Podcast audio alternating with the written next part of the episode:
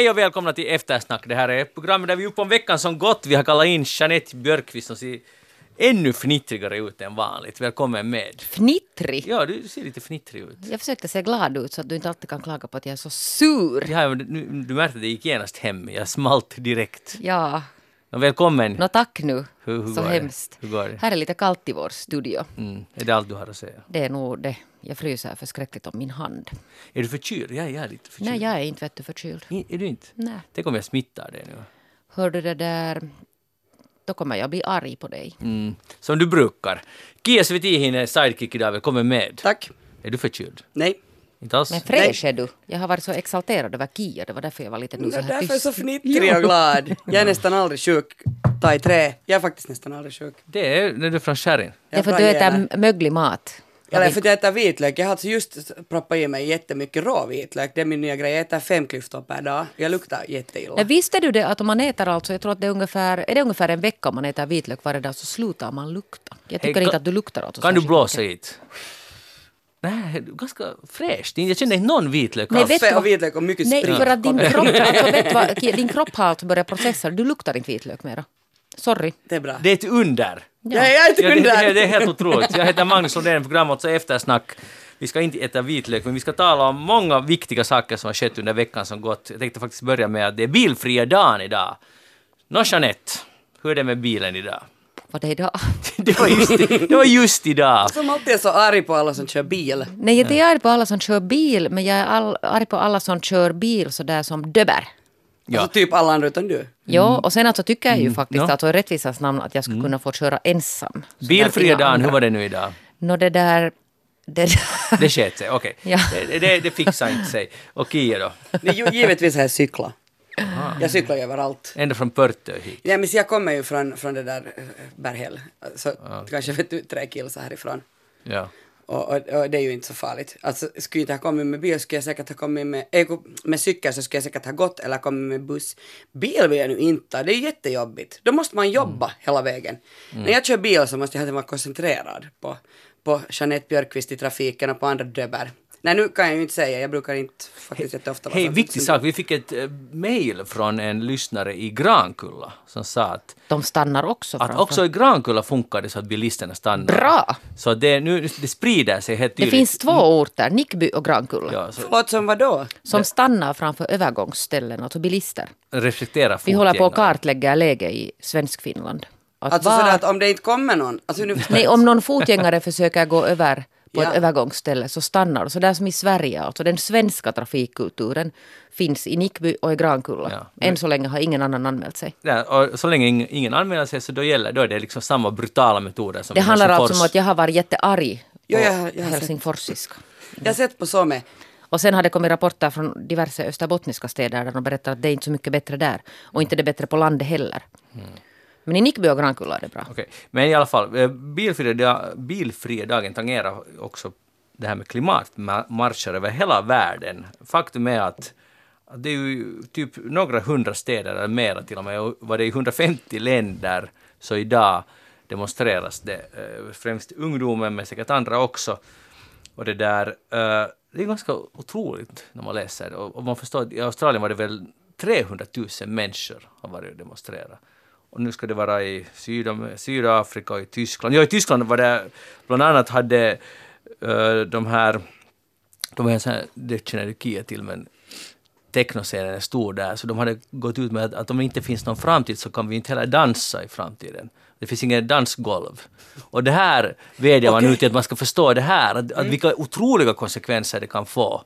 Vi kan inte gå och dansa techno. Ja, Jag läste faktiskt att i någon, någon, någon eh, var det någon eh, byggbutik i Berlin så hade idag har de liksom gett eh, ledigt till sina arbetstagare. Det var ganska stor affär och, och så får de gå och liksom, de får lön men de får, de får gå och strejka för klimatet. Det tycker jag ju är en ganska tydlig markering att att liksom också av de vuxna, att det är inte bara Thunberg ett kompani som, liksom de unga som sitter där utan det är Om du skulle ha ett bolag som är hårt pressat ekonomiskt, men skulle du ge, du är VD, varsågod, och grattis till utnämningen, du är VD och, och skulle, du, skulle du ge dem ledigt? Det är lite så här hårt med, med ekonomin. Alltså man skulle ju få ganska mycket uppmärksamhet, tänker jag. Ja, du tänker som en äkta kapitalist. Som en du tänker, kapitalist. Som en VD. Smart! Som en VD. Bra! Det gick snabbt så, från kulturarbetare till VD, så där snabbt går det sen. Ja, så här är det. Ja. Marknadskrafter. Ja. Nu ska jag säkert. Men, men alltså, då skulle förutsättningen vara att du skulle få uppmärksamhet, till exempel i eftersnack Ja, eller att, att någon stor dagstidning skulle skriva om mig. Så som, jag läste, det här var från Dagens Nyheter, så läste jag den här tyska affären. Men jag menar, ja, nu tycker jag ju egentligen att man borde, kanske. Jag har inte varit en enda gång ännu och strejkat för klimatet. Nej, nej, men om du ska VD skulle du kunna ge order åt dina, bara du får den där uppmärksamheten. Ni får få strejka, jag blir här. Ja, och hålla skeppet Du har inte gett alltså någon sån här ledigt åt oss här i eftersnack. Nej, men ni har inte heller bett om det. Men ska ni- man be ni, om det? Ni skulle inte heller få det. För att, Nej. ni, för att ni skulle kunna... ni skulle, mellan För tre ni och fyra måste ni vara på jobb Okej. här. Det är nu bara så. Men det där, i, i övrigt, Jeanette, har du någon kommentar nu till det här som Greta och många andra har fått till stånd? Jag tycker det är jättebra. Och sen det där kommer det alltid den här kritiken att, att där står de nu sen och, och det där demonstrerar, men gör de sen och lever de som de lär?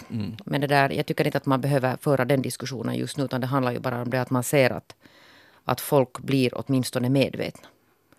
Och sen är det väl kanske så att när tillräckligt många är medvetna och det där stiger upp så kanske det börjar leda till konsekvenser i eh, beslutsfattande också. Ja, och Greta sa när hon var i senaten i USA var det visst att förlåt men att ni gör helt enkelt inte tillräckligt. Ni försöker inte tillräckligt. Jag tycker det är ganska coolt att man inte går dit och ger floskler och, och, och eh, blir liksom en del av makteliten direkt och anpassar sig. Utan säger helt enkelt att, förlåt men så här är det. Att ni, ni jobbar inte, ni gör inte tillräckligt. Och, och det hade ju skapat en ganska avslappnad och bra stämning där direkt. Vissa var ju säkert chockade. Hur kan hon vara så här uppkäftig? Men det där är ju verkligen bra. Bra gjort. Jag tycker hon är helt fantastisk. Ja, och sen måste man ju nog säga att just det där som du sa, att det finns ju kritik och ja, hur lever de? Skulle de ungdomen klara sig utan sina telefoner och, och allt det här? Men samtidigt så det är en ex- extremt cynisk, cynisk inställning för nu, nu är de engagerade för något gott. Det är inte så att de går och demonstrerar för, sin mera nazism i världen utan Nej, de och för demonstrerar sin för, framtid. framtid. ja. Så det, det- är ju alltså, så är det ju.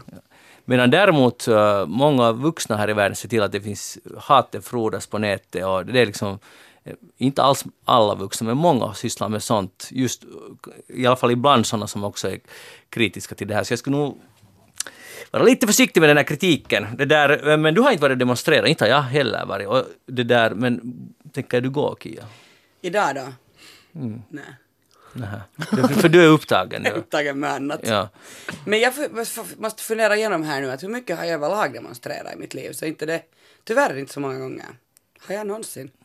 Nej, jag är inte riktigt heller sån här Have I som... ever ever? Nej men nu, alltså jag, jag tycker ju, jag har ju mycket åsikter och, och stå, så skriker ut dem här. Jag har i varit på mot kärnkraft, så nu alla vet det. Och så var då när det var Irakkriget var jag också emot. Då var, ju, då var det ju över hela in, in i världen, men Europa var det mycket demonstrationer mot det. Då var jag med. Och sen för nå så kommer jag ihåg att jag blev någon gång släppt som liten barn på någon sån här fredsdemonstration. Uh, det var när det var lite krig, kalla kriget. Det måste ju ha varit någon missil. Då skulle, USA skulle väl sätta- placera nya missiler i Tyskland, eller något i den stilen. Då, då var det ju aktuellt med många stora demonstrationer i, i Västeuropa. Så mycket alltså effekt hade det, du kommer inte ens ihåg vad det var för demonstration. Men jag var, jag var så liten. Men hur liten var du månne då? Kanske inte jag. Tio. Kanske det är det man borde göra, ta sina barn med. Att man lär dem då, att man själv inte riktigt... Jo, men man måste, man måste nog fundera på det med att ta barn. Alltså jag tycker nog att eh, måste känna att man kan stå för det också. För att barn, må, man måste få bestämma själv, men samtidigt är man dess förälder. Det, är- det är en svår fråga det där. Vad, vad ska man ta med dem på? Nej men på en klimatdemonstration tänker Ja. jag, där är det väl inte sådär att ska jag, ska jag nu låta mitt barn faktiskt tycka att det är Nej. en bra sak? Nej, du har rätt. Så att, ja. Så det är okej. Hej, Google investerar i, i Finland. V- vad tänker ni när ni hör det här nu då? Nu, Jag blev nu jätteglad, får man bli glad? Och lite sådär stolt. Va- Och det var ju en ganska betydande, det var ju en ganska betydande investering. Ja. Tänker jag Men som varför är investeringsexpert. Nu, Det är nog inte kiva när det kommer ett sånt här stort bolag. Som, som är på alla sätt sympatiskt. Nej, det är det inte alls. Men det där det är ju, har säkert kanske en sysselsättande effekt till exempel. Och vi behöver ju mera jobb som vi vet just Ja. nu. Ja, ja, absolut. Uh, Kia. Alltså jag måste läsa den här nyheten tror jag tre gånger om och i olika tidningar för att liksom, eller olika sidor för att liksom förstå den. Och jag har inte ännu riktigt förstått att vad är det de investerar i? Alltså vindkraft. De ska köpa, eh, ja, jo, de har köpt andelar i vindkraftsparker. För, för, för mig är bara Google, den där Google sökmotorn, bara, så kommer de hit och börjar... De vidgar sina de ska hit och vyer. söka, leta efter nya grejer. Ja, ja och, så, och så investerar de då, de investerar i maj 600 miljoner Ja. och nu gör de det på nytt, liksom en gång till. Ja. Så vad, alltså för att de bygger Nej, men de har större- sina serverhallar Ja, där. Ja. okej. Men sen, sen vill de köpa energi, ren energi. Och det, är det, det här, här, och det gör de över, över hela världen, satsa på sol och vindenergi. Mm. De går liksom i bräschen för det. De har köpt andelar nu i fin- finländska vindkraftverk och det ska byggas flera också. Men kommer de liksom hit och så börjar de hamra på de här, så anställer de massa finnar som får hamra på de här vindkraftverken? Eller, Jo, jo. eller kommer de färdigt byggda och så bara Nej, de nej det ska jag inte tro att de gör. Men alltså det, de investerar ju i de här serverhallarna. Alltså det finns ju säkert otaliga Google-servrar under jorden någonstans i Fredrikshamn eller vad det nu var. Så Vi kan nu- ha sen en sån här baksmälla imorgon när vi förstår att här var- fanns något sån här kons- Alltså, konspirativa alltså det. upplägg bakom det här. Men jag tänker att idag kan man väl vara lite, vi behöver utländsk investering i det här landet. Ja, men eh, alltså nu är det ju jättefint. Sen är ju inte Google nu det snällaste Nej, bolaget av alla. nej men, Men det, det- kan hända alltså att, att ett så stort företag etablerar sig i Finland kan också alltså fungera som någon sån här locka hit flera. Just det, bra. Du talar helt som statsministern som fick Ja. lysa där bredvid Googles VD. det låter som Rinne. men, men, men ja, bra, bra Jeanette Rinne. Det där, men, Nu har vi en VD och en statsminister här då. Men jag, jag ville diskutera en, en sån sak. Ja, det, snabbt går det hur ni blir njutning. och jag, och blir- jag blir kvar här på eftersnack. Värdelös redaktör. Utan studiogäster. Ja, du är inte ens mera programledare, du är bara redaktör. Ja. och så där snabbt går det. Jag skulle inte ha trott det ännu för Vänta, 15 vi, hit, minuter vi hittar ännu en ny roll åt dig innan programmet är slut. Bra. Ni- Det är bästa broder slash syster Ja. som metodik. Okay. Hörni, eh, det som jag skulle vilja diskutera egentligen om den här Google-saken, för att om vi nu bortser från att det är Google eller inte Google, men de, de investerar ju i ett land som är tryggt, där infrastrukturen funkar och eh, vädret åtminstone tills vidare är alldeles okej, eller klimatet kan man väl säga. Eh, och kriminaliteten är ganska låg. Och det här gör mig stolt. Alltså man tänker, för det betyder ju någonting att det här är ett land där det lönar sig att investera, det är tryggt och bra. Och det är en sak som vi ska vara stolta över och framförallt värna om så att det också så i framtiden. För att nu börjar man se nyttan av att vi har haft det som nu kallas välfärdssamhälle. Det, det här är ju en konsekvens av det. Att det här funkar ganska bra här. Eller ni, kan, har jag fel i det här? Ah, nej, men jag tänker väl att det, det är väl det som är hela grejen, att, att Finland är tryggt. Eh, I Finland har vi, jag vet inte om det här nu spelar roll för, för de här stora företagen som vill investera här, men, men här jobbar vi hårt. Vi lintsar, har jag en sån bild, att vi lintsar inte jätteofta från jobbet. Ehm, jag vet inte, vi, man kan helt enkelt lita på oss. Och, och ja, och låg kriminalitet, det är inte så farligt att, att vara här. Och För de där servrarna, man vill inte att det ska ske någon attack mot dem. Och de ska vara, Det ska vara ett samhälle där allt funkar och så här. Och Ja, det och- mesta funkar ju här. Och det måste man ju då säga att i motsats till, till, till vad vissa partier försöker måla upp så det är faktiskt alltså på riktigt tryggt här. Ja. Precis, och det här är ett uttryck för det. Ja. Så, så jag blev också glad, men inte av samma orsak som, som Jeanette. Men vill inte du ha mera utländska investerare här? Du hör på den här statsministern. Alltså, floskler. Jo, det vill jag absolut och det borde investeras mycket mer i Finland. Sen borde också finländarna lära sig att investera i Finland. ja, och det är har du helt rätt i. Ja, vi borde ha mer så här mecenater som, det heter ju inte helt mecenater i det här fallet, men som skulle vilja satsa på business här. Det, det är inte så jättemånga. Arbetsplatser. arbetsplatser. Ja, bra. Det finns Jobb, jobb och jobb. Sysselsättningsmål. Hej, nu känner jag att vi måste vidare för att, för att eh, Jeanette är inte nu på den, sånt område som du egentligen behärskar. Nej, alldeles riktigt. Hej, det har varit det är eh, stor skandal i Kanada då när premiärminister Trudeau har erkänt och blivit ärtappad. Eh, Först var det Time Magazine som hade kommit över en gammal bild där han är i blackface helt enkelt på någon Ja, maskerad. och hur gammal var den här bilden? Eh, Början av 2000-talet. 2001. Mm. Och sen efter det, sen ber han om ursäkt, han är ombord på ett flygplan och säger att, att det är racist att göra så här och han I'm pissed off at myself och så vidare. Och nu har det kommit fram två nya incidenter och nu säger han att han vet faktiskt inte om det finns flera. Eller han kommer inte ihåg hur många gånger han varit, men han är lika källkritisk fortfarande. Och då, han ber alltså om ursäkt, men nu vet man inte, det är val i Kanada om fem veckor och de här två partierna är riktigt jämna inför det här. Och hur kommer det här att påverka? Vad tycker ni nu om den här hela saken? Om vilken sak? Om vad han har gjort. Ja. Hur gamla var de där andra bilderna, vet vi det? Nej, vi kan utgå från den som vi vet, den är alltså för 18 år sedan. Han är på en maskerad, var han utklädd till Aladdin eller något i den stilen? Men på no, han har varit, de har ju, det har varit flera bilder, men på ena är det några arabiska nätter, maskerad, och då klär han ut sig till Aladdin. Och på en annan bild var han nog helt blackfacead. Åsikter. Kia. Här är vi nu i Jag eftersnack. tycker att det är lite knepigt eftersom det på riktigt har gått då 18 år sedan. Och vi var mycket, vi var mycket rasistiska då, vi är fortfarande Eller vi mycket- var alltså, ska vi säga så, rasistiska. Men, mycket mindre medvetna. Säkert alltså i Kanada också, definitivt i det här landet. Alltså här har man ju kunnat hålla på med motsvarande ganska länge. Och riktigt nyligen. Riktigt nyligen, det där, jag försöker fundera, jag, jag, jag kan inte Kanada så bra. Det kan hända att de har varit lite mer medvetna lite tidigare än vi, men det där. men alltså, Men det var alltså, det var, det var, det var liksom andra tider då. Ja, det, det, det var andra tider, men, men jag tycker ju ändå att, att mörka sitt ansikte är ju liksom alltid rasistiskt med tanke på den rasistiska historia blackfacing har. Alltså, jag tänker man måste ju komma ihåg, det, det är en nidbild. Det är en nidbild, men det, där, det har inte heller, alltså medvetenheten om det här har inte varit så stark. Har, har någon av er blackfaceat er någon gång? Nej. Det är just det, det är nu man ska vara försiktig med vad man säger för att det där... Snart hittar jag en bild av Magnus. Någon maskerad, ja. Nej, jag har nog inte gjort det. Nej. Jag tänker, och vad har stoppat er då? För nu kommer jag ihåg alltså före 2001, alltså det här, den här bilden jag sett av, av Justin Trudeau är från 2001. Men jag menar när jag gick, eh, jag gick i, hög, gymnasiet, liksom slutet av, eh, alltså 97 till 99, att när det var maskerad så blackfaceade del sig. Och jag tyckte då att det var jättekonstigt nog. Också då. Och det var före 2001. Att jag menar, jag tycker ändå blackfacing har en helt, det är liksom, det är, det är rasistisk stereotyp på allt som vi har också, det är vi som har lagat den här nidbilden av, eller det här blackface har vi kommit på inom den västerländska Jag tror att många tänker så här att, att om man vill föreställa en uh, jazzsångare till exempel, man ska på jazzmaskerad, alltså nu talar vi om 20 år sedan, så tror jag att det finns säkert många som tänker men jag menar inget illa, att jag skulle bara föreställa Louis Armstrong. Klä ut mig liksom. Klä ut mig. Jag vill bara säga att det är ju så här man resonerar. Ja, så 1900 Och nu, nu vet jag inte hur Trudeau har resonerat, jag har ingen aning. Mm. 1999 så blev jag eh, student via Borgå gymnasium och då hade vi penkis och jag klädde ut mig till Linda Lampenius. Men att det där, det ser, Jaha. det ser jag faktiskt inte som, vi hade någon sån här Hollywood-tema tror jag eller något. Jag vet inte, det var då hon just hade blivit så här superkänd att hon spelade, hon, hon satt i såna slavikyke och spelade på sin fiol.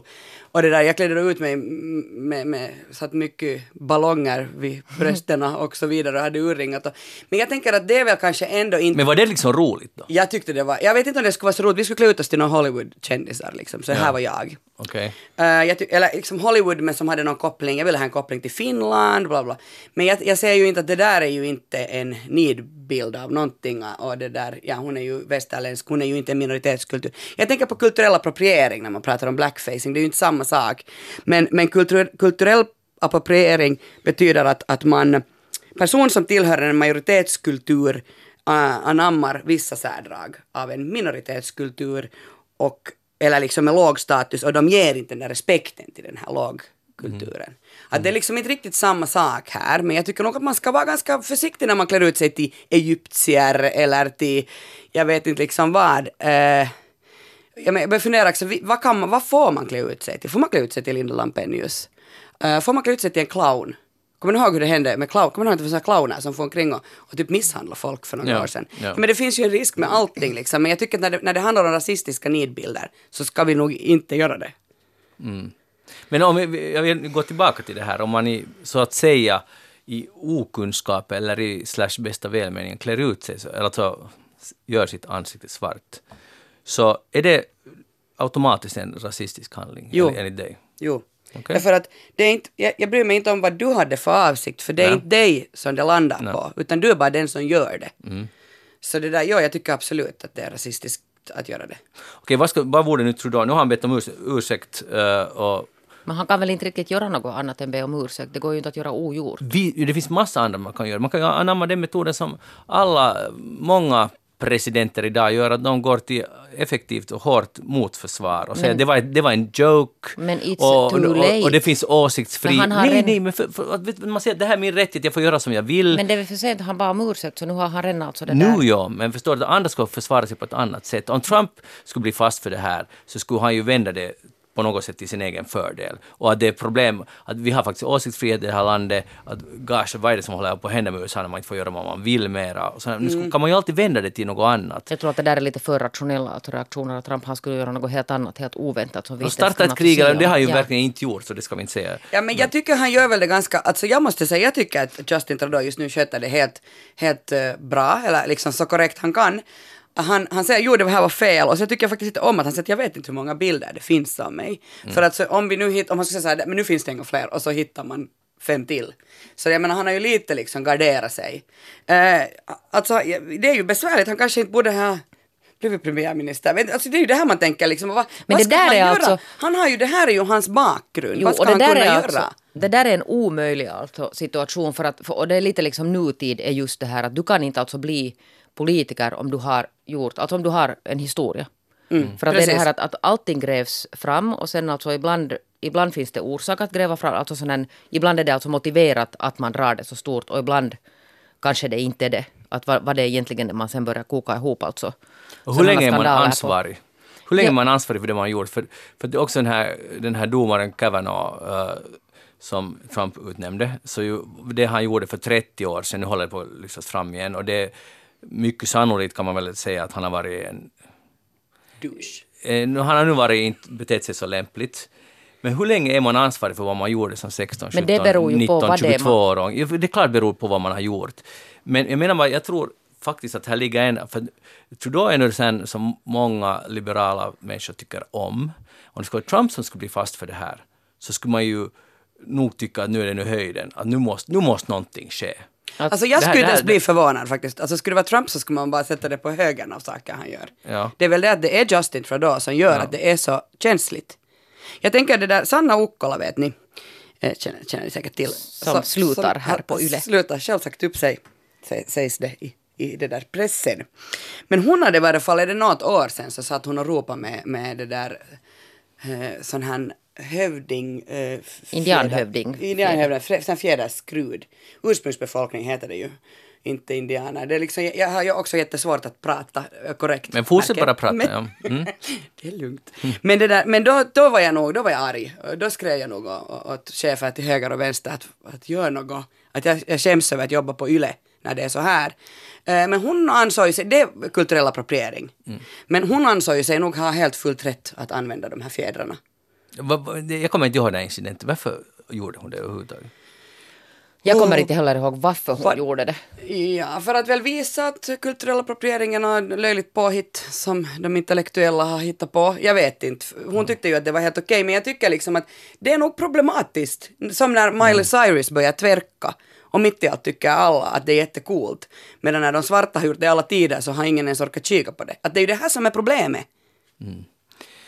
Ja, du förlåter alltså Jeanette, premiärministern, och säger Alltså jag att säger att fortsätt. han, jag tycker att han kan inte göra någonting annat än be om ursäkt. Men han har redan gjort det. Jo, jag vet. Ja. Han kan fortsätta att be om ursäkt. Jag tycker om när människor ber om ursäkt om och om igen. Ja, och sen alltså på något Mm. sätt det där, med risk nu för att vara lite ta, ta ställning här, men, men det verkar ju nog som att han är uppriktig. Det här är just att vi går på det här. Han, att, han har säkert otaliga uh, mediestrateger som säger nu ska du göra så här. Det För det kommer att att gå hem hos din väljarskara och det kommer att gå hem hos Jeanette. Och det Ja. gjorde det. det ju, jag, jag, jag förstår vad du Men jag menar. kan för ju inte välja honom. Men, men- vad tycker du då? No, jag tycker ungefär just sådär som du, men samtidigt blir jag lite störd på att jag blir lurad. att Jag går på den här tindrande ögonen, han förklarar att han är jätteledsen och han... Ja, men jag tycker nog alltså Men får jag tala till Ja, slut? okej. att, att man, man går ju på det därför att man vill gå på det. Men om, om, jag måste också ärligt säga att om Donald Trump skulle stå där och förklara, vilka han skulle ju aldrig klara att säga så här många meningar, kloka meningar i rad, men så, så skulle jag vara jättekritisk. Att nu är man ju färgad av vad man tycker. Men jag tror alltså att det är just som Kia säger, att skulle det ha varit Donald Trump så skulle det aldrig ha blivit alltså någon, någon grej av det här.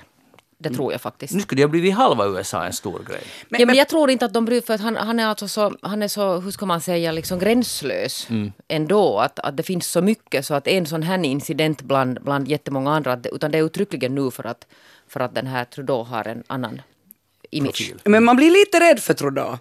För man tänker ju så här, han, han är feminist, han är, han är liberal, han är på invandrarnas sida, han är ljuvlig och ganska snygg. Och så gör han sån här, så tänker jag så här, är det bara en mask? Så när han, Ja. alltså är det bara ett blackface. Så när han går in i sitt rum så är han någon fucking sadist. Vet du? Han kan ju vara helt galen. Man vet ju inte. Utifrån det här... drar Utifrån du- det här drar jag nu de här. Nu, nu går det nog ganska på höga varv Har du- här. har Jag du har inte varit med på så länge så nu börjar jag släppa Har på. du, har du läst något sån här, det där intressanta böcker på sistone? Jag läser ju så mycket hela tiden, så ja, men, men visst blir jag lite rädd för honom. Jag, Mm. jag tänker nog att, uh, inte vet vi vilken massmördare det gömmer sig där bakom lockarna. Jag tycker vi ska avsluta på, på en positiv note här. Och det som, eller en viktig, som Jeanette du sa, som jag håller verkligen med om, att, att det här betyder att att varje politiker som, går eller som vill bli politiker måste tänka att vad finns det månne för bilder? Vad har jag gjort som 19-åring då någon gång på någon studentfest någonstans? Eh, vad har jag sagt då och då? Och det betyder att vi, att vi bara får sådana här väldigt slätstrukna, försiktiga människor som blir politiker. Och det vill vi inte ha. Vi vill ha lite kreativa galningar som vill ändra samhället. Och som har gjort alltså sådana här konstiga, alltså sådana här, haft upptåg i sin ungdom också.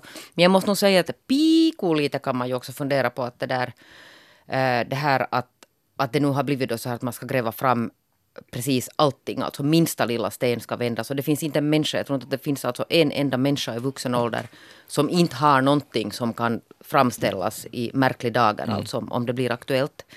Så skulle man ju kunna tänka att, att om man nu skulle satsa en del av den här energin inom journalistkåren till att gräva fram alltså på riktigt sådana här strukturella missbruk och det där eh, sådana här på riktigt alltså missbruk av, av ställning och sånt. Istället Ja. för att ta de här enkla sakerna alltid. Tack Jeanette Björkqvist. Och eftersom det var, jag tycker att det där var så kloka ord så nu ska du få äran berätta vad du har tänkt på den här veckan. Nu vet du, jag har tänkt på det där banker. Eller liksom bankrelationer faktiskt. För att det där... Jag brukar det där, jag har konkurren, konkurrensutsatt allting. Allt, ni vet, man kan ju göra det nu för tiden. I ditt liv. Elbolag och vet ni, försäkringar och det där mobiloperatörer. Men så finns det en sån här helig sak som jag alltså inte kan röra i. Och det är min bank. Jag är alltså infödd i min bank. En lokalbank. En lokalbank i Porvo Borgo. Och det där, de ringde mig alltså idag igen. De brukar alltid ringa ibland och, och så där lite chitchatta och fråga hur det går och vill jag komma och träffa dem och liksom skulle vilja diskutera någonting. Och så ringer de och meddelar att vet du att hörde att nu sänker vi din ränta här. Och det är liksom, vi har ett sånt här på något sätt sånt här mycket familjärt förhållande med min bank. Och det här tror ju då ingen på. De tycker att jag är helt döber och man borde alltid alltså det där konkurrensutsätta sina lån. Vilket jag ju aldrig kommer att göra. Jag kommer aldrig någonsin att kunna lämna min bank. Och, och jag känner att jag faktiskt får tillbaka. Jag tror alltså mycket. Jag tycker mycket om min bank. Alltså helt enkelt. Ja. Jag tror att min bank vill mig gott. Men det där så tänkte jag alltså för att nu har jag... Hjälp! Jo, jag vet. Jag kan, jag kan tyvärr inte berätta. Jag skulle så gärna berätta vad det är för en bank. För den är så bra. Men du, du, det kan, det, det Men jag, kan du inte alltså, göra. nej, men för jag har ju alltså en massa vänner då som håller på med sina banker och så, så håller de på att byta banker och de, de verkar få alltså riktigt dålig service. Alltså, det verkar ju vara ett problem alltså. Och till exempel har jag nu två bekanta som har en annan bank. Eh, Och de har berättat, båda två har försökt alltså få till stånd ett möte med någon alltså bank, sån här, vad heter Tjänsteman. Banktjänsteman för att diskutera alltså lånesaker. Och, och hos vissa banker verkar det vara så att man absolut inte vill träffa alltså sina kunder. Alltså riktigt så här svårt. Men så är det inte på din bank. Men på din bank. Nej, men alltså min bank, alltså där finns någonting kvar. Alltså där finns vet ni någonstans att den har ju utvecklats sen jag Mm. föddes förstås. In i den. Min dotter är alltså också med där och min man har också bytt till min bank. det är lite sån här religion i vårt hus. det här med. en, en, Alla har ju våra Men sekter. förstår ni, ja. för att där finns fortfarande kvar någonting av den här gammaldags alltså banksynen. Alltså när banker faktiskt alltså betjänar sina kunder. Mm. Och det finns säkert andra banker också som är såna. Eller bankkontor ska vi säga. Sådana. ja, jag tycker inte att många banker idag faktiskt har kvar den här, att de betjänar. Alltså, Utom min bank då. Ja, då utan förstås din bank. Alla banker förutom Jeanettes bank Mm. eh, har det problem att de inte betjänar. Och det är konstigt att, att, det här, eh, att det faktiskt finns bara en bank kvar. Och det är din. Ja, jag kan som, det. Som, som tar hand om Nej, för sina att det där kunder. tror jag inte är sant. För att jag, jag känner alltså också människor som har alltså ha, hållit sin, som har flyttat, alltså säg från Vasa till exempel. Ja. Och så har man kvar någon sin bank i Vasa.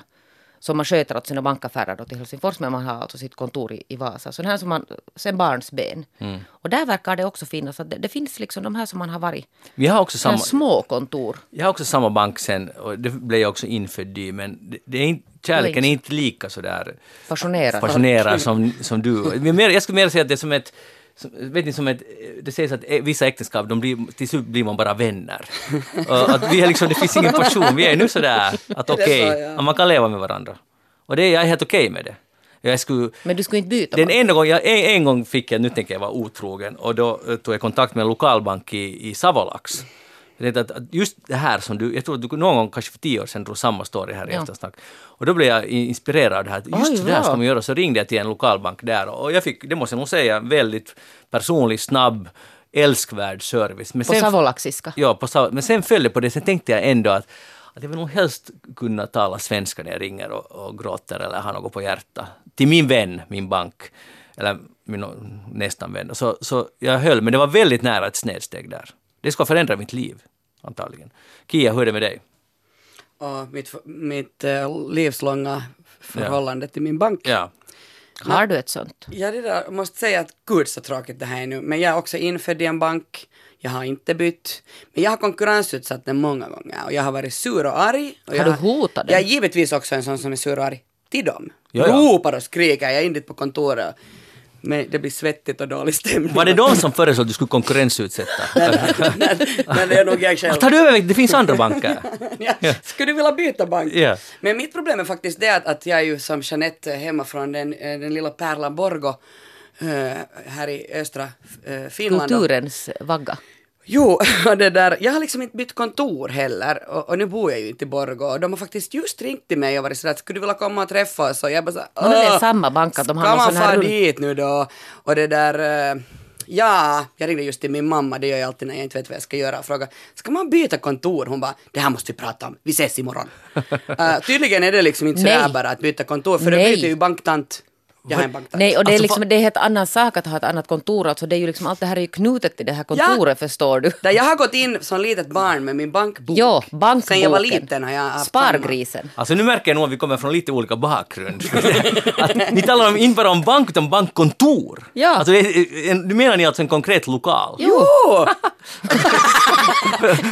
Och den är liksom er, er, ett vardagsrum eller Jag sådär? tyvärr alltså flyttade min bank för inte så länge sedan. De böt alltså där, så den här, där var de hade varit alltid. Ja men alltså de har ju fortfarande kontoret. Ja, ja. Men fråga, ska man gå på de här? äh, Så är det något, försöker du lura mig dit nu bara? Alltså, De, det är vad de vill att du ska börja fondspara eller någonting. Helt jag skulle inte orka fara till Borgå om det bara är någon Nej. sån här jadi, jadi, jadi. Ja men du måste fråga dem att vad vill ni?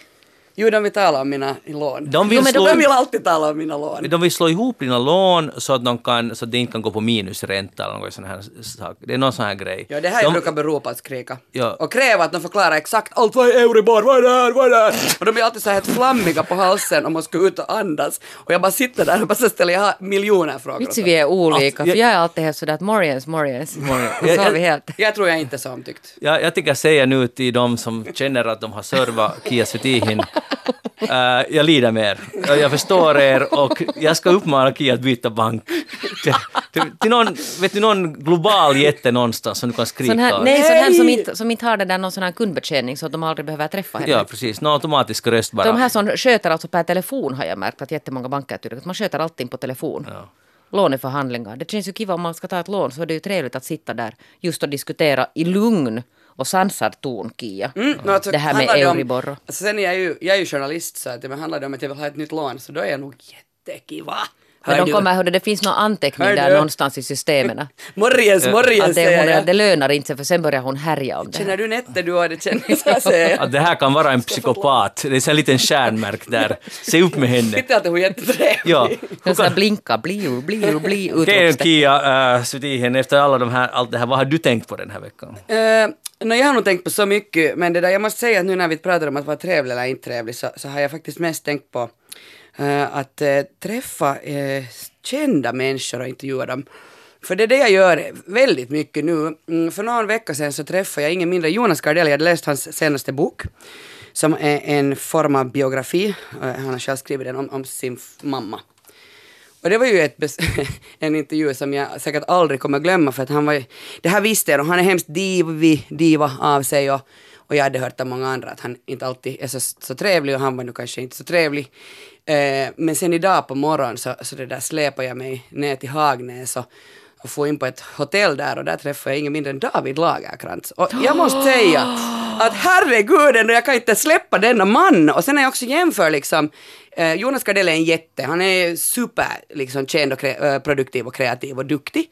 David Lagerkrantz är en enorm kändis. Liksom. För mig är han helt bara wow. Och jag dessutom uh, förberedde den här intervjun igår så jag ska förkovra mig i Lagerkrantz. Uh, faktiskt jättemycket. Hans pappa var Olof Lagerkrantz. Uh, hans mamma Martina Ruin, Hans Ruins dotter. Alltså han kommer från sådana intellektjättar. Mm, och sen är han sån där, fast han är sådär superkänd, han är alltså känd, måste jag säga det helt snabbt bara, för att han, han började ju skriva uppföljaren till Stig Larssons Millenniumböcker som faktiskt satt Sverige på världskartan igen när det gäller deckarlitteratur och, och gjorde det dessutom alltså bra. Och, och, det är ju liksom kanske det som jag är mest fascinerad av honom. Han så, alltså, de här två böckerna han fortsatte med i Millennium-serien har sålt 14 miljoner exemplar så det är ju liksom massor och nu kom hans senaste har kommit helt ny nu. Men han är så världens, alltså, han bara så här tjena liksom och krama mig och, och var så där och du gick på det här? då? Ja! Att jag går på det här, jag är helt bara... Ja, jag bara smalt och, och det där och vi bara så att jag ville liksom inte ens intervjua honom, jag hade en halvtimme tid. Efter 15 minuter var jag sådär, nu stänger jag av så kan vi prata. Och så pratade vi så här om depression, han är jättedeprimerad och, och liksom så här lider av vuxen ADHD, har sömnproblem, tycker att han är skit, har blivit liksom jätte, så här, hans pappa har på något sätt, det här har hans pappa skapat för att hans pappa var Olof Lagercrantz. Och han var så här supermänsklig och har landat på in, i in, Ingo på Härlingö. Och jag bara så här, ah, synd att han är gift och liksom har barn och liksom redan har, så han har redan en familj. Ja, att annars skulle du ha haft... Annars skulle jag gärna ha farit en Ja. tur till Ingo i sommar. Men det Ja. där, alltså faktiskt liksom, när jag tänker att om man är sådär stor stjärna som han ändå är, alltså nu är han på turné, han, han har miljoner intervjuer idag i Helsingfors, så hörde jag bara prata med sin agent, han skulle till Norge och så skulle han till Sydamerika, så här, New York. Eh, Det där, att man ändå kan vara så där sympatisk. Alltså jag menar, för när, i vilket skede blir man en gardell? I vilket skede blir man en diva som Jag skriker tror inte idiot det, till mig när jag, jag tror honom? inte att det har alltså med i vilket skede man blir utan endera är man alltså lagd så eller så är man inte lagd så. För jag menar, han är faktiskt en, en jätte, David Lagerkrantz. Han skrev Zlatan-boken. Han är Jo, läst jag har, jätte- jag har läst den. Jag har läst den. Ja, han är ju jätteskicklig författare också. Och liksom, och, och, jag vet inte, jag, blev, jag är helt tagen av honom. Alltså, jag har faktiskt inte riktigt Men, kunnat men sluta vänta nu, nu, nu är det en sak jag inte förstår. För tror du, eller menar du att det att man blir en, i dina ord, en jätte, så är lika med att man blir ett pisshuvud? Liksom varför skulle det vara så? Uh, nej, jag tänker att när man blir så superkänd och ger miljoner intervjuer har gjort att han har säkert svarat på många av de här frågorna jag ställde där hundra gånger. Och han måste varje gång göra det ju ändå ganska inlevelse för att jag gjorde en radiointervju med honom. Så att det är ju kiva om han ändå har lite, med, så här lite inspis i rösten när han pratar om vad han har gjort. Eh, och det där, jag tycker ju nog kanske när jag har läst så mycket om Jonas Gardell, inte bara hans böcker utan läst på om honom, att han var ju en blyg eh, en blyg kille från början. Idag är han ju allt annat. Han är, han är ju liksom superdiva. Att i vilket skede blir man en diva? Och varför blir inte alla divor? Lagerkrantz har ju alla möjligheter att bli en diva. Men ska vi ha nu den här eftersnackspsykologi Okej, ja. ja. Att kan det vara nu så att den här Gardella alltså för att gardera sig mot det här förflutna så har han byggt upp alltså en... jag fasad. en, inte, kanske inte ens fasad utan en roll som han är nu alltså inne i. Att det, det har liksom blivit hans nya. Jag menar om han har varit vet du, mobbad. Man, man kan göra alla möjliga alltså. Det finns, det finns olika sätt alltså att, att överleva sådana trauman.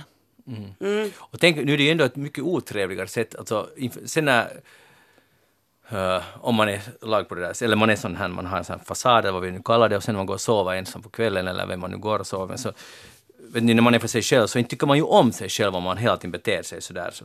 Men David, om han nu är sådär trevlig som du sa, eller det bara var din otroliga charm som gjorde honom kan ju nog hända. är ju- Det vill jag ju nog tro. Jo, jo anta- antagligen gjorde du ett otroligt intryck på honom. Det, det, det kan vi utgå från. Fnitter, fnitter. Ja, och det där, eh, och nu sitter han just nu i någon talkshow och talar om den där fantastiska redaktören, Ja. Kia. Det var sällan han Ja. blivit intervjuad av en I, så I alla fall, men tänk nu, och han har ju valt det verkligen rätta sättet att tackla med det här kändisskapet. Att han, är, han har bestämt att kanske jag ska vara mig själv, kanske jag ska vara trevlig. Och nu blir ju livet mycket trevligare att leva. Då får han ut någonting, när han träffar dig och så pratar han istället för att, inte, för att du förhör honom. Precis. Att det är bra. Och jag behöver inte vara så nervös. Alltså jag märkte direkt, för jag var ganska nervös, att jag inte behövde vara nervös. För att han var jättetrevlig och det jag tyckte om med honom var bland annat att jag sa att vitsi, vad skönt att du slutar skriva de här millenniumböckerna för att de är nog jag så trött på. Och då var han så här, jo, de är nog så skit. Alltså att han är, han är liksom, han, var, han är också Men ärlig. vad är det för bok han har skrivit nu då? No, det är Millenniums Jag sista menar det. del. Alltså hon som måste dö. Nu, nu börjar han ny kula med en egen liksom. Med egen roman. Han vill inte bygga på någon Men annan. har du den där boken? Jo, jo, jo, jo. Jag har allt av David Lagercrantz. Har, har du tänkt på något annat idag? Ja, no, jag, har, jag, jag har tänkt också, ska vi säga det ändå om Jonas Gardell? Att eh, det att han gör det där gör ju alltså att det blir jättebra innehåll för en intervju. Att jag kan ju också säga det att, att om man nu är sen, förstår ni att Gardells divighet är, är liksom, det, det betal, jag betalar gärna det där priset för att få den här intervjun med honom, för han är ju sen exceptionellt bra och kunnig och det hör liksom lite till hans stil. Men vi länkar ju det där ut, den här din intervju och det, det var ju, man blev ju liksom, jag, jag, alltså det, det var ju intressant. Det var intressant. Men alltså han var helt, alltså, det var inte alltså någon show, för det var någon som sa att ja, han, han nu liksom bara spelar någon sån här roll. Men han var alltså på riktigt så här. Nå, jag ty- tror nog att han spelar en roll för att han vill nå någonstans. Han vill, han vill hela tiden att jag ska bli osäker och att jag ska falla av kärran och att jag ska tappa fattningen och att Men det jag var ska... inte så där att han dämpade sen, att han skriker idiot åt dig och inte så där att han Ja, hehehe. ja, så skrattar han nog lite. Ja, ja, Att okej. inte, det, inte det... Ja, alltså... Men hur var det sen när det tog slut? Nu jag var helt genomsvettig. så rasade jag ut. Och så Men hur skildes ni alltså? Han fick nästa journalist. Hej, hej, hej, sa han. Ah, okej. Du måste läsa boken människa! Ropade han ju åt mig också. När han tyckte att jag inte hade, jag, jag frågade någon fråga om berättarteknik och han blev jättestörd på att jag frågade den frågan. Jag tycker ju å andra sidan att det är ganska fräscht. Jag är ju sån också själv, ganska elak. Så jag tyckte att det var helt fine. Det- kan vara att Jonas Gardells mamma jobbar på banken som du besöker och, och har skickat. Ah. Fast ja, det vet jag att hon gjorde hon ju inte. Men kanske någon, någon, någon, någon som han känner. Men kanske Marx någon släkting? Mark. Jo, det, och det är ju Det mycket, är mer mycket sannolikt. Mycket mer ja, sannolikt, mycket ja. möjligt. Mycket Ja. möjligt. Jo. Tack för det. Tack. Och nu går vi vidare. Tycker ni om reklam? Reklam? Reklam, alltså Ja. det där reklam var? TV, radio, tidning, Mm, välj själv. gatan, Välj själv. sådär överlag. Reklam överlag. Ja. Eh, ibland. Om det är alltså välgjord reklam. Precis. Du är nog klok. Mm. Och, och, Jag och, och tänker- Kia? Jag tycker om reklam, eh, men jag tänker välja. Jag tycker om tv-reklam. Jag är ju den här, jag är den där människan som inte finns, som är 39 år gammal och älskar att titta på broadcast-tv. Ja, du är en av ytterst få. Jag är den där enda som är kvar. Men det där, för nu har uh, Hanna Liberdal som är VD för Sva- Sveriges annonsörer skrivit en debattartikel i Svenska Dagbladet där hon, där hon är oroad över något som jag nog aldrig har varit oroad någonsin i hela mitt liv. Men man ska ta människors oro på allvar. Hon säger så här. Det är oroande det, det är, här är ett språkfel, det, oro, det oroande är att förtroendet för reklam generellt sjunker så snabbt. Reklamen har en viktig roll i en marknadsekonomi och- demokrati. Bra reklam förbättrar kundens möjlighet att fatta kloka köpbeslut, vilket i sin tur stärker konkurrensen. Därtill utgör reklam en viktig intäktsbas för mediebolag, och det är ju inte någon nyhet, som, som producerar allt från underhållning till samhällsviktig journalistik.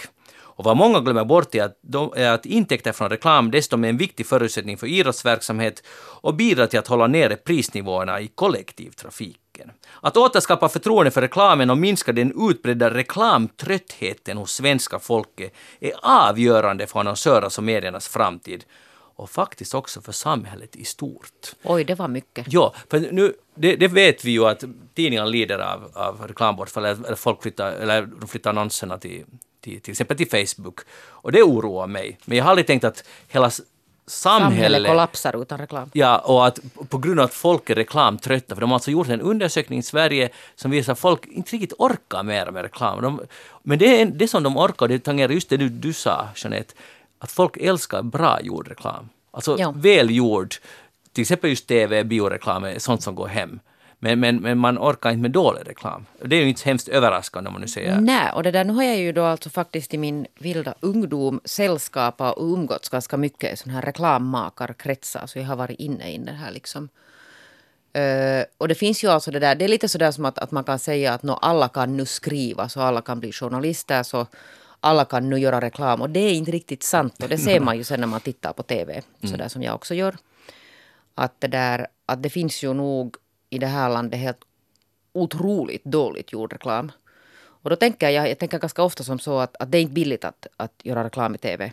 Att om man nu liksom då ändå tog fram de pengarna, att man köpte reklamtid åt sig i TV, så varför tog man inte steget ut och lät göra en ordentlig Ja. liten snutt istället för att sen då göra det själv? Det är nog en bra fråga för att, för, för, för, som du sa, för att bra reklamer kommer man ju ihåg. Att man till och med är mottaglig för det. Att låt komma bara, för man blir underhållen och det är lite vitsigt. För Och det finns- kan vara alltså jättesnyggt gjort också. Ja, ja, förstås. Jag menar, de här, uh, de var ju korningar men därför just var de bra. Kommer ni ihåg de här DNAs gamla reklamerna? Så här, Krösus har bränner pengar, uh, ligger där på någon så här tigerskinn med någon. Elämä on. Ja, eller man. Så Det, då, blev ju alltså, det är ju en devis alltså som man nu... Ja. Hokema i Finland alltså. Ja, och den som kom på det här skulle jag säga att geni, för de var liksom så överriks att, att det funkar jättebra.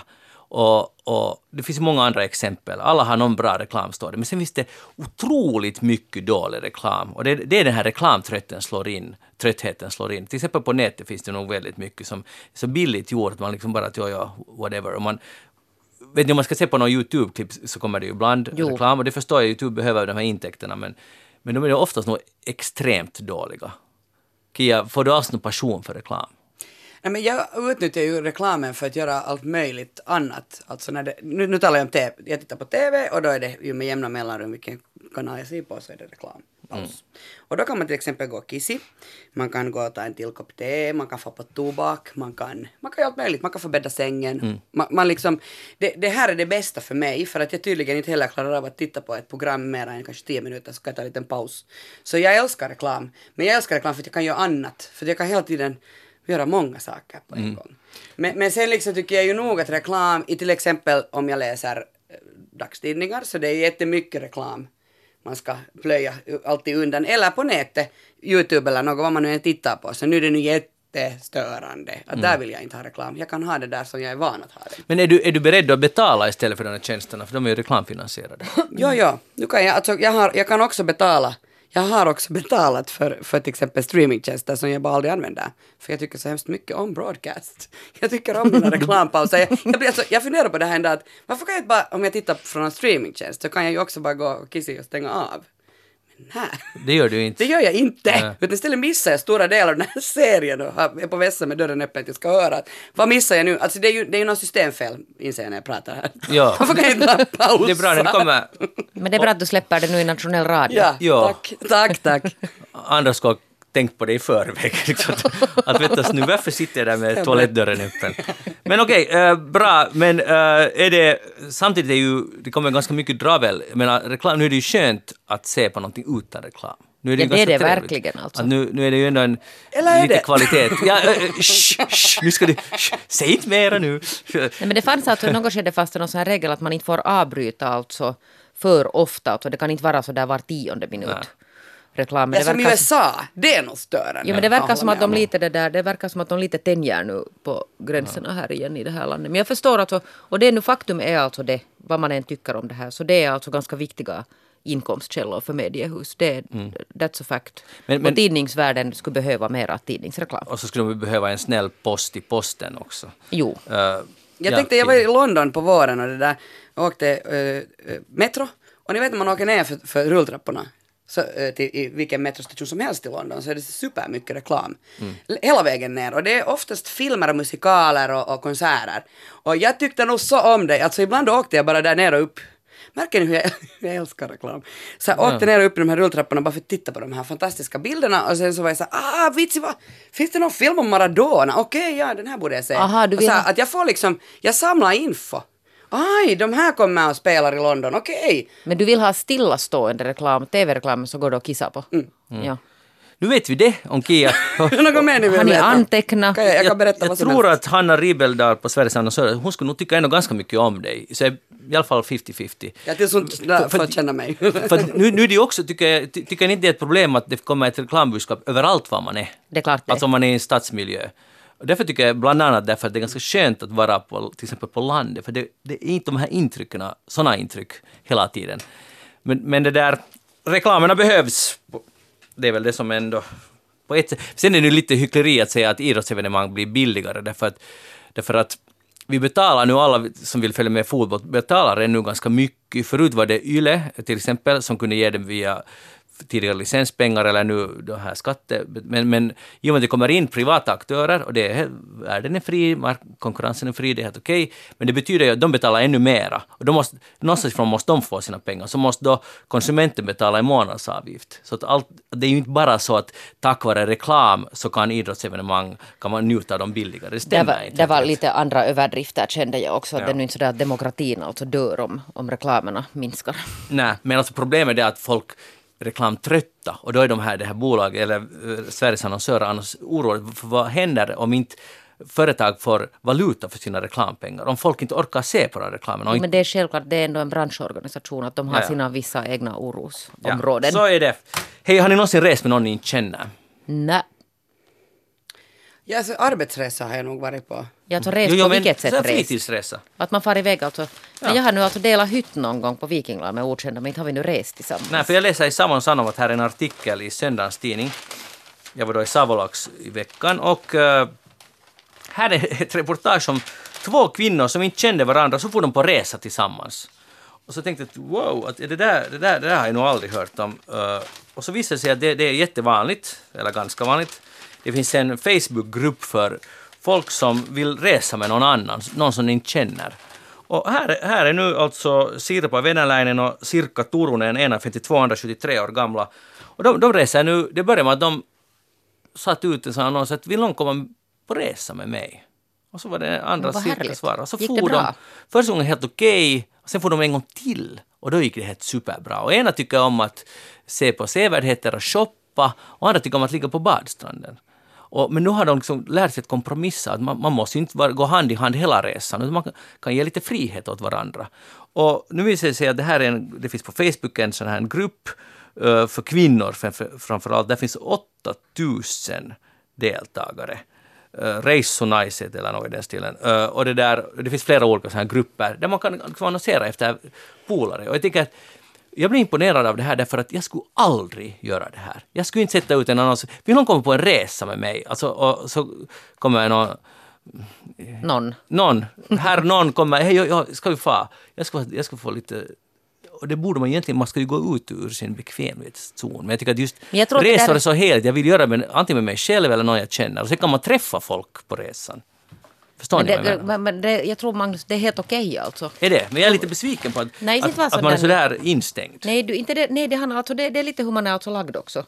Jag har jättesvårt att resa ensam, så min utmaning när du säger det där, för att jag håller med dig helt till fullo Magnus, jag skulle aldrig vilja resa med någon jag inte känner. Jag är väldigt, väldigt noga vem jag reser nu med. Ja. Alltså jag tycker att, att när man reser, det är liksom den där eh, ultimata uh, utmaningen för att hålla förhållande, alltså vare sig det är vänskapsförhållande eller jag reste med någon min, min, min, mitt förra förhållande och så får vi ganska snabbt ut och resa för att testa att funkar det alls. Tur nog funkade men sen höll inte förhållande. Men, men jag menar, Mm. tänker så här, det är så känsligt för det handlar om allt möjligt liksom. Exakt. Och, och, och det handlar om rutiner och det handlar om humör och det handlar om... Flexibilitet. Ja. Då kommer ju allt fram av ens Oh. personlighet och ens äh, kaveris personlighet. Allt kommer fram på den här resan. Sånt som, som kan så att säga döljas när man umgås bara ibland. Mm. Allt, och, och därför är det just det med man ska veta vem man reser med. Men det här, därför tycker jag att det är jättemodigt. Men att resa ensam, eh, du, du gör sånt. Nu har jag gjort det, ja. ja det är skoj. Det tycker jag inte om. Har, har, har du Nette? Nej. Nej. Varför inte? Alltså rest ensam sådär på någon fritidsresa. Jobbresor har jag ju gjort ensam hur mycket som helst i alla möjliga konstiga ställen. Men inte liksom sådär att jag skulle resa iväg till Rom by myself och bara alltså hänga där. Jag, ja, jag skulle vilja lära mig att göra det. Jag har förstått att det är helt fantastiskt. Men när jag reser ensam, jag har nog rest någon gång av misstag ensam och sen har jag just alla jobbresor är nästan man alltid ensam på. Jag tycker nog det är så tråkigt. Ja, det är någonting jag kan inte koppla av när jag är ensam. Oj nej. Alltså hemma kan jag koppla av ensam. Jag har Men jag lärt mig det också efter många år. Men Men, jag skulle tänka mig att du är en sån att du reser iväg ensam så går du där på lokala liksom, restaurangen och så börjar du chitchatta och så har du plötsligt tio nya kompisar. ja, jag vågar bara aldrig göra det här. Nej, jag vågar ju aldrig fara ensam och resa. Så antagligen skulle det passa mig. Ja, du måste testa det. Och du måste testa det och jag ska, jag ska gå med i Facebookgruppen Not. Jag tänker inte göra det. Jag, Magnus, du behöver att alla måste inte göra lika. Ska vi åka på resa med Magnus? Jag tänkte vi ska åka tillsammans till något. Jag tycker vara så besvärlig. Ja, jag- jag- Det är lite sådär att skulle man våga fara med Kia på resa? Det, det skulle man nu verkligen. Jag känner ju till en massa ställen. Det skulle vara det Men- jätteroligt. Just Men det, skulle man okej. våga fara med Magnus, du är säkert just sån här, nu ska vi hit, nu ska vi jag tror att du Inte ska hela, och hela tiden planera och sen måste man göra, man får inte avvika. Nej! Och inte ligga på stranden. Nej, utlycka på stranden och ta det lugnt. Det här visar just att vi inte... Det här är det, det som är bra med att, att man träffas bara ibland. Att, att, att vi inte känner varandra, för det är på resor, det skulle bli massa överraskningar. Och vi ska inte gå in på det nu. Hörni, eh, om ni skulle nu de har gjort en, ett experiment här i Wales, i Swansea University. De utsatte 2700 studerande för ett sånt test att om man skulle få köpa egenskaper hos en partner, alltså livslång partner. Så vad skulle, vilka egenskaper skulle man köpa? Och det, och det gavs en budget, liksom då är det, det är en fake budget på liksom pengar inom citationstecken och, och pengar räcker inte till att köpa både kärlek och, och, och snällhet och, och, så vidare, utan man kan bara köpa vissa personlighetsdrag. Så vilka drag skulle man då köpa? Uh, och här jag kan räkna upp vad det finns. Mm, sån här attract, att man är attraktiv, bra med fyrk, man är snäll, man har humor, uh, man har religiös, man har en drift att få barn, kreativitet och sen kyskhet. Nu vet jag inte exakt hur vi ska tolka det där, men i alla fall, så vilka av de här, vad är det man skulle shoppa helst? Och de har kommit fram till någonting och det här har de gjort över hela världen. Och, och, och det där, och det här berättar då vad ungdomen egentligen vill ha idag, eller studerande. En gång till den där listan. Ja. Att man är snygg, man har bra med fyrk, eller det ser, man är väl... Alltså, Framgångsrik på något sätt. Ekonomiskt ja. bra, mm. välbeställd. Snällhet, humor, uh, kyskhet, religiös religiös. Ja, att man är religiös. Man är religiös, tack. tack. Och sen att man har en uh, strävan efter att få familj eller barn och kreativ. Och nu har du ungefär 20 Jag skulle säga alltså att plöt, något överraskande som kyskhet kanske. Du, du skulle köpa kyskhet? Nej, jag skulle inte, men nej, du, det där resultatet alltså. Nej, fel. Kia. Vad skulle du köpa? Uh, humor. Humor. Det, det här tror jag inte på. No, alltså just har läst Margaret Atwoods uppföljare till Handmaid's Tale säger förstås man vill ha barn. Nej, fel. Uh, världens ungdom vill ha snällhet att, det, att om man, skulle måste, man måste shoppa någonting så snällhet är det som gäller om man ska ha ett livslångt förhållande. Och jag blev lite glad och tänkte att det är en ganska snäll värld om det är det man önskar sig mest av allt, om man ska bo med en snäll människa. Tänk nu, nu är det ganska trevligt att ha en snäll partner. Jag tycker det är lite naivt. Men jag tycker att det är ett jättemärkligt experiment vadå det, alltså det att köpa. Jag, jag menar, det, är det så att det inte funkar så i verkligheten? Nej, men alltså jag menar att det, att det, det är liksom någonting som är totalt fel i det här upplägget, att de här som vill köpa snällhet Vet mm. Man skulle inte gå med. Alltså, ja, nu, nu, är det just cynikern som talar. Vilken vetenskaplig institution är det här? Va? Det jag sa redan att Swansea University. Ja, men vilken alltså? Var det någon socialpsykologi? Ja. In a, pa in a paper published by the Journal of Personality. Och det, jag tycker det var helt rätt att de har publicerat det här. Och det här betyder att, att världen är snäll och med dessa snälla ord ska vi sluta. Jeanette Björkqvist, snälla Jeanette Björkqvist, tack för att ja, du var tack här. Tack snälla Magnus Lundén. Det var härligt du var här. Kia Svetihin, du är också snäll. Tack. Förutom bankerna. Det menar du inte. Ja, ja. Jag ser det på din näsa. men, men du är snäll, förutom i banken. Och vi ska fara på resa någon gång tillsammans. Jag heter Magnus Lundén. Program alltså Eftersnack vi är tillbaka genom en vecka. Vi finns på arenan också där ni kan använda podden när ni vill dygnet runt, året runt. Hej då, ha det bra.